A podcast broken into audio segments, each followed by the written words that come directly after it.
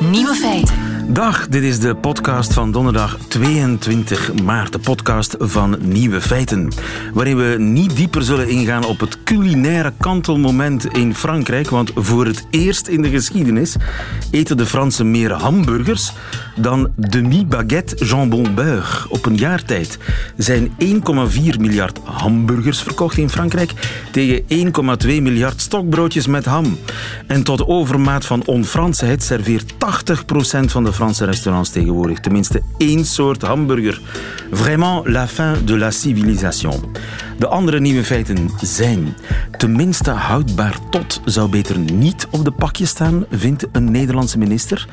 Er wordt weer volop gerookt in tv-series. Eenzame pasgeboren haasjes zijn niet zielig. En ADHD is geen aandoening, maar een talent. Het middagjournaal komt van Bavo Klaas. Geniet ervan.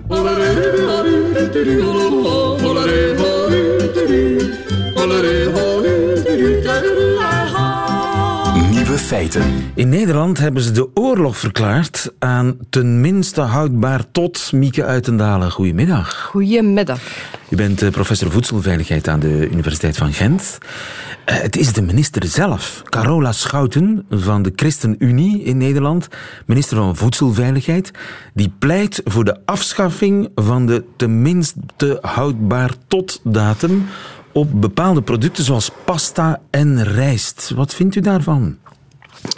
Ja, het is natuurlijk al een eh, oud zeer, die eh, houdbaarheidsdata en die twee data die, die er zijn. De TGT en de THT. En dat lijkt natuurlijk heel erg eh, op elkaar. Hè? Dus er is de tenminste houdbaarheid, eh, tenminste houdbaar tot datum en de uiterste vervaldatum. Dat, zijn twee verschillende data. Dat klopt. En ik moet er zelf ook nog altijd eh, even over nadenken. Hè? Want het is natuurlijk maar een lettertje verschil. Maar je hoort het wel als je het echt uitspreekt. Ja, en in deze gaat het over tenminste houdbaar Ja. tot. Die datum moet weg. Maar de vraag was, wat vindt u daarvan dat die weg moet in Nederland?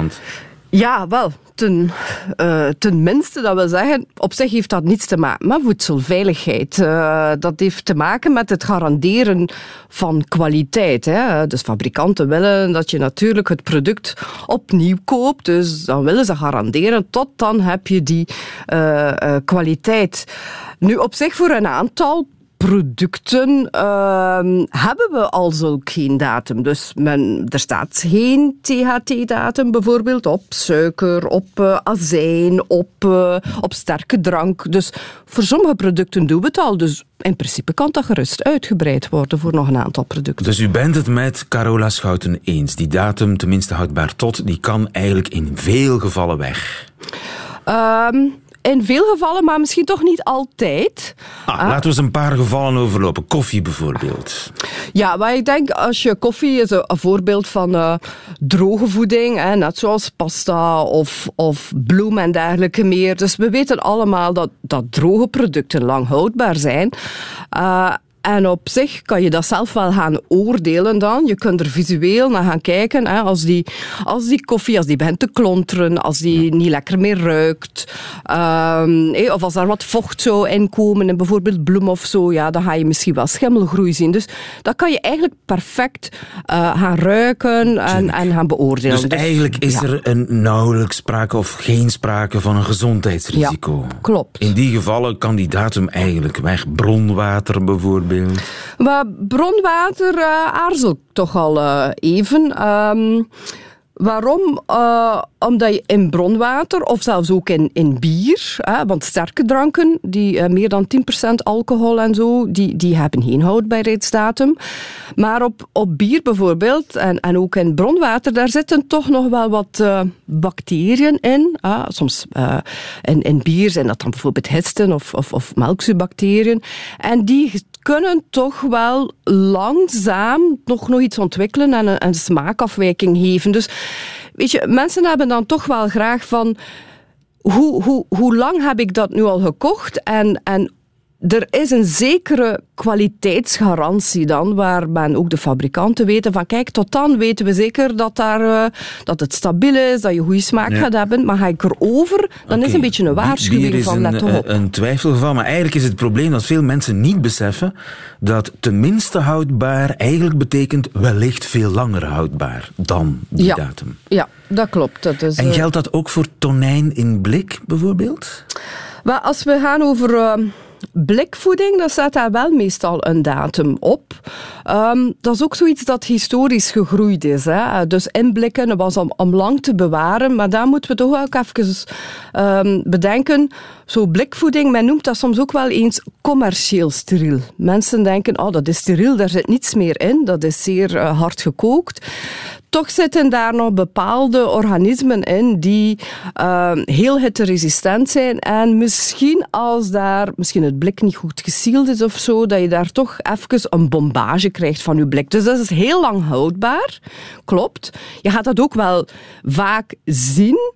Maar Um, dat is eigenlijk een slag onder de arm nemen van vroeger zijn er welke problemen geweest uh, met blikken om toch even die datum ja, ja. erop te zetten. Dat is een soort waarschuwing naar de mensen toe van kijk er toch even naar, hè, visueel, hè, en, en even denken van zou het nog wel goed zijn hè, en even misschien uh, ja, goed smaken en kijken dan. Ja, maar het is die tenminste houdbaarheidsdatum die een beetje verwarrend is, waardoor veel eten wordt weggesmeten. Hè? Ja. Dat eigenlijk nog waar niks mis mee is.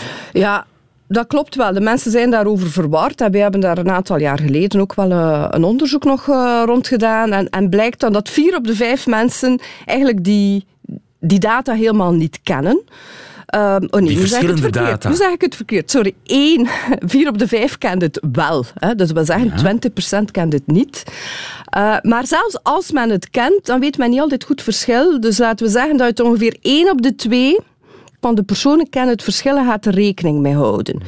Dus sommigen gaan het te vlug weggooien, inderdaad. Ja, en, uh, dus die datum kan eigenlijk in heel veel gevallen weg, die tenminste houdbaar tot datum.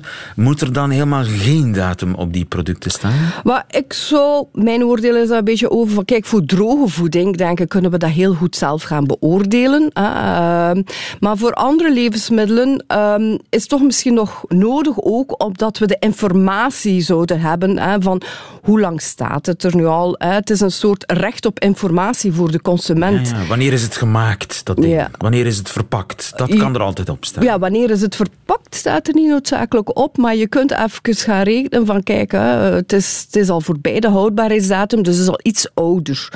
En ik geef misschien heel kort even het voorbeeldje dat we nu gehad hebben met dat vlees en dat diepvriesvlees uiteindelijk.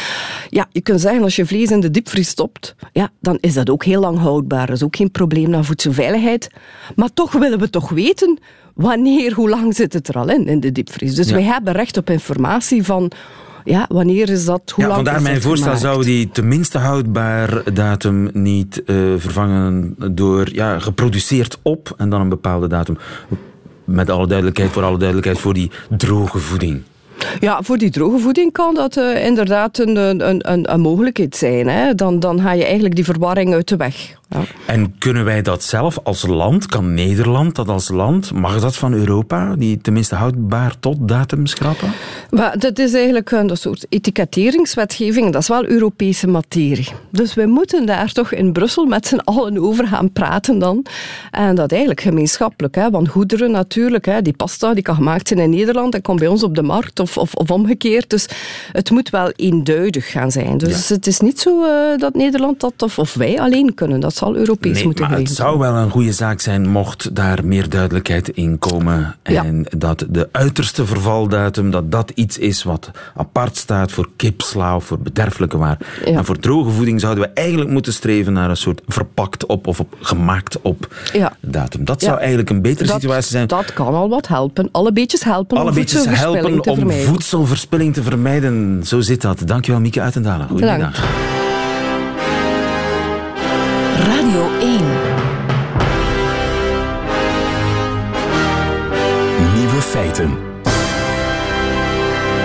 ADHD, dat is tegenwoordig meer een talent dan een aandoening. Ria van den Heuvel, goedemiddag.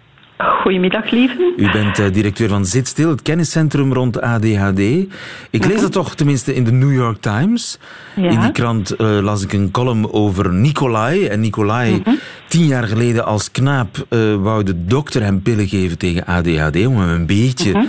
te kalmeren. Maar mm -hmm. Nicolai, zijn grootmoeder, toen 85, zei tegen zijn vader: Maar kijk eens hoe snel de wereld draait tegenwoordig. Nicolai moet niet vertragen. Jij, zijn vader, moet versnellen. En ze kreeg gelijk, want Nicolai is zonder pillen groot geworden en vandaag een succesvolle jongeman ergens in New York.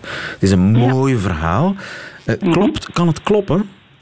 Dat kan uh, absoluut kloppen. Dat, uh, het is niet zo omdat je een diagnose ADHD hebt, dat je dan in een sukkelstraatje zou terechtkomen enzovoort. Uh, dat kan kloppen. Maar wat dat ik eerst even als misverstand misschien uit de weg uh, mag ruimen, is dat je altijd medicatie moet nemen als je een diagnose hebt. Dat is één. Maar twee ook dat het, als je medicatie neemt, dat het dan iets zou zijn om te kalmeren. Het gaat er eigenlijk veel meer op dat je u, de stoornis, de neurobiologische stoornis die ADHD is, dat is iets, een probleem op gebied uh, in je hersenen. En als je medicatie moet nemen, dan gaat die informatieoverdracht tussen die verschillende cellen beter. Het is niet de bedoeling om te kalmeren. Ja. Dus dat is een eerste iets. En een tweede iets, en dat is toch ook wel belangrijk, denk ik. Um, ADHD is een letterwoord, maar uh, omvat eigenlijk drie kenmerken. En hier wordt heel veel ingezoomd op uh, de hyperactiviteit uh, die soms voorkomt bij ADHD. Maar er zit ook impulsiviteit. En er zit ook, en dat is eigenlijk het grootste probleem, een aandachtsthema, probleem. Ja, dus aandacht, impulsiviteit en ja, frenetiek bewegen, zeg maar. Ja, maar het ja. is precies dat die aandacht, mm -hmm. die veelkantig is. Je hebt geen ja. filter, je, alles is even mm -hmm. belangrijk. Je hebt alles in de gaten, je hebt alles mm -hmm. gezien. En precies ja. dat kan voor bepaalde beroepen en in bepaalde bedrijven en in bepaalde sectoren een groot voordeel zijn. Je kunt er carrière mee maken.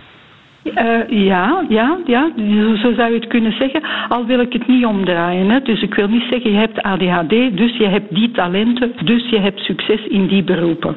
Uh, we bekijken het eigenlijk altijd zo dat je naar de persoon met ADHD gaat kijken en zien welke talenten dat daar naar voren komen. Ja. En dan zien we een zekere gemeenschappelijkheid bij vele mensen met ADHD. Ja, er is uiteraard niet zoiets als een standaard ADHD-mens. Nee, nee, Elk nee, mens is anders. En, ja, er zijn verschillende gradaties natuurlijk in ja. ADHD.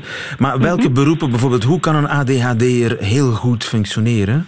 Wat kan die? Wanneer hij de volgende talenten die veel bij mensen met ADHD voorkomen kan inzetten. En dat gaat dan over uh, iets kunnen brengen waarbij je je overtuigingskracht nodig hebt. Iets verkopen, iets aanprijzen, iets uh, mensen enthousiasmeren, mensen ergens achter krijgen. Dat is een kenmerk wat we dikwijls zien terugkomen. En hoe komt dat omdat ook... ze heel sterk in iets kunnen opgaan? Ze, ze kunnen opgaan, ze kunnen overtuigen, ze kunnen enthousiast verschillende dingen bij elkaar brengen en ze kunnen daar een heel boeiend en overtuigend verhaal van ja. maken. En ze kunnen ook dingen zien die een ander niet ziet. Dat is heel dikwijls wanneer dat we naar een volgende talent kijken in beroepen waarbij dat je eigenlijk onmiddellijk en snel in een crisissituatie of uh, aan een helpdesk out of the box moet kunnen denken en zeggen oké, okay, we pakken dat zo aan, heb je daar al aan gedacht enzovoort. Ja. Of bij een probleem waar dat uh, een oplossing voor moet gevonden worden en je zit met veel aan tafel, heel dikwijls zien we dan dat zij ja, anders denken op een of andere manier ook weer out of the box en met een, een oplossing voor de dag komen waar dat we zelf niet altijd aan denken. Dus ja, dat het zijn ook, de nieuwe uh, andersdenkenden, maar hoe ga je daar ja. als collega best mee om? Want ja, zo'n uh -huh. drukke ADHD'er kan soms uh, ja, flink beslag leggen op zijn omgeving, toch? Hè? Ja, dat is wel zo, maar uh, dat zijn ook, je mag niet doen alsof je hen daar niet op mag aanspreken. Hè? Dus je mag je daar zeker dus je mag zeggen, even, even zwijgen nu. Dat mag. Je mag even, even zwijgen nu, zeggen tegen een natuurlijk, ADHD. Natuurlijk, je mag tegen collega's moet je op een gelijke voet omgaan en je mag dat uiteraard respectvol uh, aanbrengen. Maar wat dat belangrijker is, denk ik, is dat de werkomgeving van alle mensen trouwens eigenlijk zo georganiseerd wordt dat je afhankelijk van wat dat je aan het doen bent, uh, je op een andere, om, in een andere omgeving u kunt begin, bevinden. Als je echt rustig en u wilt terugtrekken en denkwerk wilt verrichten, ja, dan moet je niet gestoord worden door het getelefoneer van ja, anderen. Ja, ja, dus die moderne kantoortuinen, dat is eigenlijk een ramp voor een ADHD'er. Uh, nee, nee, nee. Soms uh, ze moeten zich ook kunnen terugtrekken. Ze moeten daar, uh, zet ze niet apart. Hè? Zet ze niet apart omdat ze niet gestoord zouden willen worden. Nee, laat ze toe vanzelf, en dat geldt voor iedereen, te kiezen wat ga ik op dit moment doen en welke omgeving heb ik daarvoor nodig. Ja. Het en... ergste wat iemand met een, uh, met een diagnose ADHD in zijn beroep kan tegenkomen, is geïsoleerd geraken en niet die prikkels voelen en daar iets mee doen. Maar soms moet hij ook andere dingen doen en dan moet hij ja. zich wel kunnen terugtrekken. En dat geldt natuurlijk niet alleen voor ADHD'ers, maar in ieder geval, ik onthoud dat uh, ze in bepaalde dingen heel sterk zijn en dat je als mm -hmm. bedrijf die ADHD'ers best kunt gebruiken. Dankjewel Absoluut. van uh, Zit Stil, uh, kenniscentrum rond ADHD. Ria van den Heuvel, goedemiddag. Graag gedaan. Nieuwe feiten. En ja, ik heb goed opgelet tijdens het nieuws van 12 uur. Ik hoorde Bert Lauwer zeggen dat het zondag na de wolken en de eventuele regen op gaat klaren. En dus zou een lentewandeling zondag misschien wel een redelijk goed idee zijn. En het zou kunnen dat op die lentewandeling, ik ben een geweldige brug aan het bouwen zoals u hoort, dat u op die lentewandeling een eenzaam hazenjong vindt aan de rand van het bospad. Het zit daar klein en hulpeloos en pluizig en alleen te wezen. Wat doet u met dat hazenjong? Neemt u het mee of laat u het liggen? Sil Jansen, goedemiddag. Goedemiddag. Van het Natuurhulpcentrum Opglabeek. Wat zou u doen als u zo'n uh, jonge hazenjong ziet uh, liggen aan de kant ja, van het pad? Uh, ja, best gewoon rustig laten liggen, want haasjes worden heel vroeg in het jaar geboren, kunnen perfect tegen de koude en een haas die, uh, ja, die heeft geen hol gelijk een konijntje, die hebben een leger. Dat is maar een kuiltje in de grond en het jong of de jongen blijven daar heel stil liggen, uh, lijken verlaten, maar dat is echt niet zo. De mammy komt uh, regelmatig een paar keer terug om uh, ze te voorzien van uh, lekkere hazenmelk, zeg maar. Um, dus eigenlijk afblijven, uh, van genieten dat je het gezien hebt. zeker niet aaien, want er hangt er mensengeur aan. En voor de rest maken dat je weg bent, want moederhaas is zeker in de buurt. En gebeurt dat dat mensen met een, zo'n hazenjongetje naar jullie komen? In Opglabeek? Ja, dat, dat gebeurt heel erg vaak. Dat mensen allerhande jonge diertjes veel te snel opnemen. Uh, heel goed bedoeld natuurlijk. Maar uh, jonge diertjes die zijn maar heel zelden verlaten. Dat is net hetzelfde gelijk wij onze kindjes niet verlaten. Het kan ons uitzonderlijk gebeuren dat er eentje in de problemen geraakt.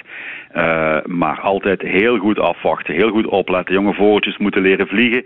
Jonge haasjes, jonge reeën die liggen schijnbaar hulpeloos. Maar die ouders die komen die echt wel voederen. En als je twijfelt, best eerst even bellen voordat je dieren gaat meenemen uit de natuur. Want het zou wel kunnen in bepaalde uitzonderlijke gevallen dat er effectief een probleem is. Kan ik dat zien? Ja, kan je zeker zien op het ogenblik dat dieren helemaal nat verregend zijn, helemaal open liggen, dus met de poten open. Uh, een jong ree wat achter je na rent, bijvoorbeeld schreeuwend achter je na loopt, dat is duidelijk een teken dat er iets mis is. Uh, vogeltjes die plat op de buik, heel verregend liggen, ook een teken dat er iets mis is. Als er veel vliegen rondhangen, uh, is dat ook een teken dat die dieren hulp nodig hebben. Ja. maar zeker niet te snel. Dieren die gewoon rondkijken, die gewoon rondhuppelen, uh, ja, zoveel mogelijk gerust laten. Ja. Moeder natuur en de ouders zijn zeker daar. Ja, die zien er misschien wel zielig uit, maar die zijn het helemaal niet. Nee, die moeten gewoon nog even uh, de stapjes leren zetten uh, om weg te rennen of weg te vliegen als er mensen komen. Dus die hebben gewoon even nog tijd nodig. En gebeurt het vaker dan vroeger dat mensen met uh, zogezegd eenzame dieren komen aandraven? Uh, ja, dat gebeurt helaas vaker. Hoeveel moeite we ook doen om te zeggen van handen afblijven. Het is heel erg moeilijk als mensen zoiets zien om te zeggen: oké, ik laat het dan maar liggen. Ja. Um, mensen houden veel van dieren, gelukkig maar. Maar te veel van dieren houden en foute dingen doen, ja, daar help je de dieren natuurlijk ook niet mee. Ja, ja. Er is meer bewustzijn over dierenleed. Mensen vinden dieren belangrijker en vinden het uh, belangrijker dat dieren niet afzien. Uh, en dit is dan een ongewenst neveneffect, dat, uh, dat die perfect gezonde, gelukkige dieren bij jullie binnenkomen. En uh, wat gebeurt er dan met zo, bijvoorbeeld zo'n hazenjong dat ten onrechte is meegenomen? Wat doen jullie daar dan mee? Ja, het hangt er vanaf wat soort dieren het is. Hazenjongen bijvoorbeeld zijn heel moeilijk terug te plaatsen.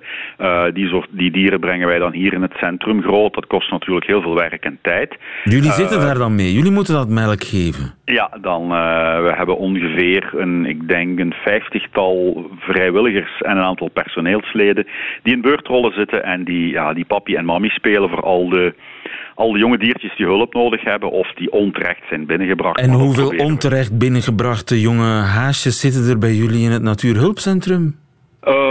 Um, op dit ogenblik denk ik dat we een zestal haasjes hebben. We hebben al heel wat jonge eekhoorntjes ook. Niet allemaal onterecht, uh, want er zijn ook al nesten die uit de boom vallen. Uh, bomen die omgezaaid, uh, omgezaagd ja. worden.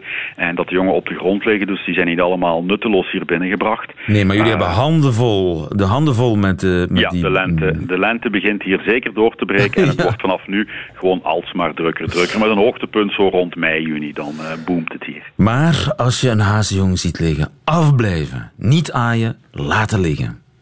Heel zeker. Dankjewel, Sil Jansen. Goedemiddag. Graag gedaan hoor. Dag. Nieuwe feiten. Verrek, het is mij ook al opgevallen dat er tegenwoordig weer meer gerookt wordt in tv-series. En dan vooral die op Netflix. Neem nu Rita, een serie waar ik geweldig aan verslaafd ben geraakt. Deense serie over een nogal wilde rock'n'roll lerares Deens. Die rookt als een Turk. Jeppe, han er min yngste. Jeg har to til, Molly og Rico. Alt det Rita er for jer. Jeg kunne slet ikke finde ud af. Det er altså ikke, fordi hun selv er perfekt. Du er min mor, og du er dansklærer. Burde have vidst det. Har du øh, prøvet at tage ecstasy? Hvad er det her? Det er en hovedpinepille. Okay, Jeppe.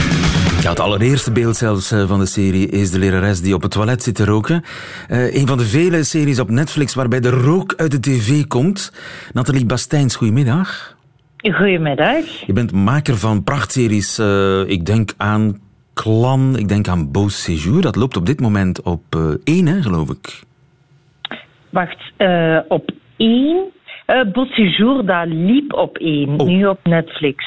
Oh ja, en het loopt nu op Netflix zelfs. Nu, in ieder ja. geval, de, de lijst is lang van Netflix-series waar duchtig uh, in gepaft wordt. Stranger Things, Orange is the New ja. Black, help mij even. Uh, House of Cards wordt ook ingerookt. The Crown. The Crown, absoluut. Philip ja. uh, doet niets anders. Je krijgt er plaatsvervangende keelpijn van.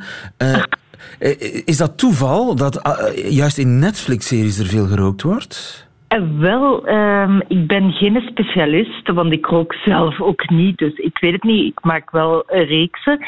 Maar um, vooral The Crown, dat is dan een historisch personage. En die rookte. Dus hij is logisch dat erin komt, want dat is waarheidsgetrouw. Bijvoorbeeld in Stranger Things. Uh, in de jaren tachtig. Uh, ja, het is een tijdsbeeld. Ja, daar werd nog alles ja. uh, gepast natuurlijk. Nu zijn we heel anders ja. daarin. Maar um, dat wil ook dikwijls, bijvoorbeeld bij Rita, wat ik ook echt geweldig vind, het rebelse karakter. Ja. voorstellen van een personage. En niks is makkelijker natuurlijk dan een sigaret opsteken om rebels en soms sexy of onsexy te zijn. Om bijvoorbeeld de rijkdom van iemand te tonen. Allee, als bijvoorbeeld iemand een check draait, dat is iets anders dan dure sigaretten roken. Dus je kunt al heel makkelijk met één sigaret gewoon heel veel betekenis aan een personage. Ja, de, de zeggingskracht van een sigaret is gigantisch. Ja. Het is ook fotogeniek natuurlijk, hè, die kringelende rook. Ja. Je kunt er wat mee als uh, regisseur, ja, als cameraman absoluut. of. Ja, en, en dat is soms heel verleidelijk om om te zeggen van, oh, dat zou wel tof zijn, moest een perso personage roken, want uh, met die rook, bijvoorbeeld een stekje aansteken, alleen een lucifer, dat dat is natuurlijk heel uh, fotogeniek. Ja. Maar allee, wij proberen toch om dat niet gratuit te laten zijn als we dat gebruiken. En liefst zo weinig mogelijk. Hè. Zo weinig, alleen als het echt moet. En is er een verschil wat dat betreft tussen Netflix en bijvoorbeeld de VRT? Netflix die zich nergens wat van moet aantrekken en de VRT ja, die toch een maatschappelijke rol te spelen heeft. En volgens mij zijn er richtlijnen, hè? Um, goh, ik heb er nog niet zo extreem mee te maken gehad, maar bijvoorbeeld, wij hebben toch wel heel hard gedacht aan ons personage, het Bosséjour, Luc, die toch wel eens een sigaret opsteekt van gaan we nou nu doen of niet, maar we vonden dat echt bij dat personage passen. Zo, ja, dat dat zo uh, rebels is die niet druk, zich druk maakt over zijn gezondheid. Ja. Uh, ja, het is een man van extreme, dus constant gestrest. Dus we wouden die toch een sigaret laten roken. Dus het was verantwoord. Ben je niet bang dat uh, zien roken doet roken? En wel, dat vraag ik mij af. Ik heb juist tegenovergestelde. Ik heb echt nooit gerookt, behalve toen ik ooit eens 18 was en een heel pakje bastos heb opgerookt. Uh, ja, en geloof mij, als mijn kinderen ooit vragen, uh, ik wil een sigaret, dan zeg ik in één keer heel de pakje, je rookt nooit meer, denk ik. Ah ja. Dus, uh, inderdaad, je krijgt er, wat ik zei, plaatsvervangende keelpijn van. Je, ik, ja. ik, ik, had soms medelijden met die actrice, bijvoorbeeld ook in Rita. Ik dacht van, maar kind toch? En wel, Zo want erg. bijvoorbeeld onze, onze Luc, de Chris Cupes, die rookte niet. En wij hebben dan zo een vervangende kruidensigaret die gigantisch stinkt. Heel uw set stinkt naar, naar, naar, Dus- naar dat kruid. Ja, dat zijn geen echte tabak, dus... Dus Dan heb je het echt- waren fake sigaretten die in Ja, ja. Bossejour werden gerookt. Ja, absoluut. Die, die geen, waar geen nicotine of teer in zat. Die Nee, dus ook niet nee, gevaarlijk nee. waren. Nee, en ik vraag me af, bijvoorbeeld, ja, ik was niet op de set van The Crown of zo, of, of bij Rita, dat ze daar ook zo van die sigaretten gebruiken. Je ziet dat verschil niet, hè? Ah, je kunt het echt niet zien. Nee, nee, je ruikt het vooral, het verschil. Maar ja, En- dat ruikt je niet op tv natuurlijk. En de geur is niet te harden. Nee, vreselijk. Maar goed, dat is eh, misschien minder eh, erg dan eh, het roken van... Want stel je voor, als je zoveel takes opnieuw moet doen... en je moet iedere keer weer een nieuwe Ja. sigaret... Dat is dodelijk, volgens mij, denk Dat ik. is. Allee, die kruidensigaretten zijn ook niet al te geweldig om te roken, denk ik. Dus, eh, Maar eh, het is een trend dat, je dat, de regisseurs zich minder eh, geremd voelen om een sigaret te laten zien als het nodig is. Denkt u dat? Want wij zijn, allee, ik spreek voor mezelf, hè. Wij zijn nu een reeks aan het schrijven en daar rookt iemand een vijper. En dat zegt ook natuurlijk heel veel over dat personage. Omdat, eh, ja, dan zegt de- die persoon... eh allee, ten eerste geeft het tijdsgeest weer. Je zegt iemand is voorzichtig, bezig met zijn gezondheid, toch wat zenuwachtig en kiest niet voor een sigaret. En dat vind ik wel tof. misschien is dat ook een oplossing. Intussen eh, heb ik ook Ja. het bericht gezien dat het inderdaad niet eh, doet roken. In die zin dat het eh, niet mensen die nog niet roken naar een sigaret doet grijpen al dat gerook op de televisie. Maar het is wel zo dat Ja. mensen die roken er wel zin van krijgen. In bepaalde gevallen. Dus voorzichtig zijn, maar het gebeurt en het gebeurt meer en meer. Of dat nu een goede zaak is of niet, dat valt nog af te wachten. Dankjewel, Nathalie Bastijns. Goedemiddag. Alsjeblieft. Radio 1. Radio 1. Nieuwe feiten. En dan eh, geef ik u alleen nog eh, mee dat eh, drie Amerikaanse meisjes op uitwisseling in Italië pasta wilden klaarmaken. We zijn in Italië, dachten ze, dus wat zullen we eten? Pasta natuurlijk. Eén ingrediënt waren ze helaas vergeten. Water. Ze gooiden de pasta droog de pan in. Brand natuurlijk. En omdat drie Amerikanen die niet weten hoe ze pasta moeten koken, ook niet weten hoe ze een brandende pan moeten blussen, kwam de brandweer ter plaatse, die het vuur snel kon doven. En Italianen blijven Italianen. De drie mannen verklaarden zeer galant aan de Amerikaanse dames dat zij ook niet weten hoe je pasta moet koken. Nieuwe feiten. En zo klopt de wereld weer en is alles weer zoals het hoort. Alle nieuwe feiten van 22 maart heeft u gehad, behalve natuurlijk die uit het leven van Bavo Klaas. Nieuwe feiten. Middagjournaal. Beste luisteraar, een vriend van me vertelde laatst een fraaie anekdote. In een radioprogramma van de RTBF worden klassieke muziekopnamen voorgelegd aan kenners. Die moeten diverse uitvoeringen van eenzelfde compositie beoordelen zonder te weten wie de uitvoerders zijn. Op een keer was een stuk van de Amerikaanse componist Aaron Copland aan de beurt. De jury vond versie E veruit de beste, omdat je daarin zo duidelijk de hand voelde van een topdirigent. Verrassing, het stuk werd uitgevoerd door een kamerorkest zonder dirigent. De jury was ook gecharmeerd van versie C, alleen jammer dat die dirigent totaal geen voeling had met het werk van Copeland. Hij had er meer een soort maler van gemaakt. Verrassing, de dirigent was Copeland zelf. Als ons leedvermaak wat is weggeëpt, doemt een levensgrote vraag op. Hoe feilbaar is de beoordeling van de kunsten door de kenner? Behoorlijk feilbaar, blijkt. Destijds hebben alle Franse uitgevers, stuk voor stuk kenners van de literatuur, Marcel Proust afgewezen toen hij het eerste boek aanbood van zijn meerdelige werk Op zoek naar de verloren tijd. Ze vonden het maar niks. Dat werk wordt nu tot de top 3 van de wereldliteratuur gerekend. Het boek werd uiteindelijk uitgegeven, mits Proust zelf de drukkosten betaalde. Waarna de auteur alvast ook maar zelflovende besprekingen van zijn boek ging schrijven, om in de kranten niet helemaal overgeleverd te zijn aan weer een andere categorie van kenners, het kakofonische koor der recensenten, van wie de een wit zegt en de ander zwart, beide met evenveel aplomb. Gunstige kritieken over je eigen werk schrijven en onder een valse naam publiceren, niet alleen Proest deed het. Ook de jonge Hugo Claus, ook de vermaarde Duitse schilder Kirchner. En het is verbazend dat niet meer kunstenaars het doen, want zo'n kenner die artistiek werk beoordeelt, heeft soms iets van een culinair recensent die geen mosselen lust, toch een mosselrestaurant bezoekt en in zijn bespreking dan eindeloos jammert dat mosselen vies zijn. Natasha Gerson, journaliste, schrijfster en zelf recensente, zegt: Als je een boek niet kunt uitstaan, recenseer het dan niet. En in een zeldzame vlaag van zelfrelativering schreef literair criticus Michael Zeeman wie er even over nadenkt, komt tot het ontluisterende inzicht dat de beste criticus de auteur zelf is. Die kan het beste beoordelen wat hij gedaan heeft. Hoort u het ook eens van een kenner?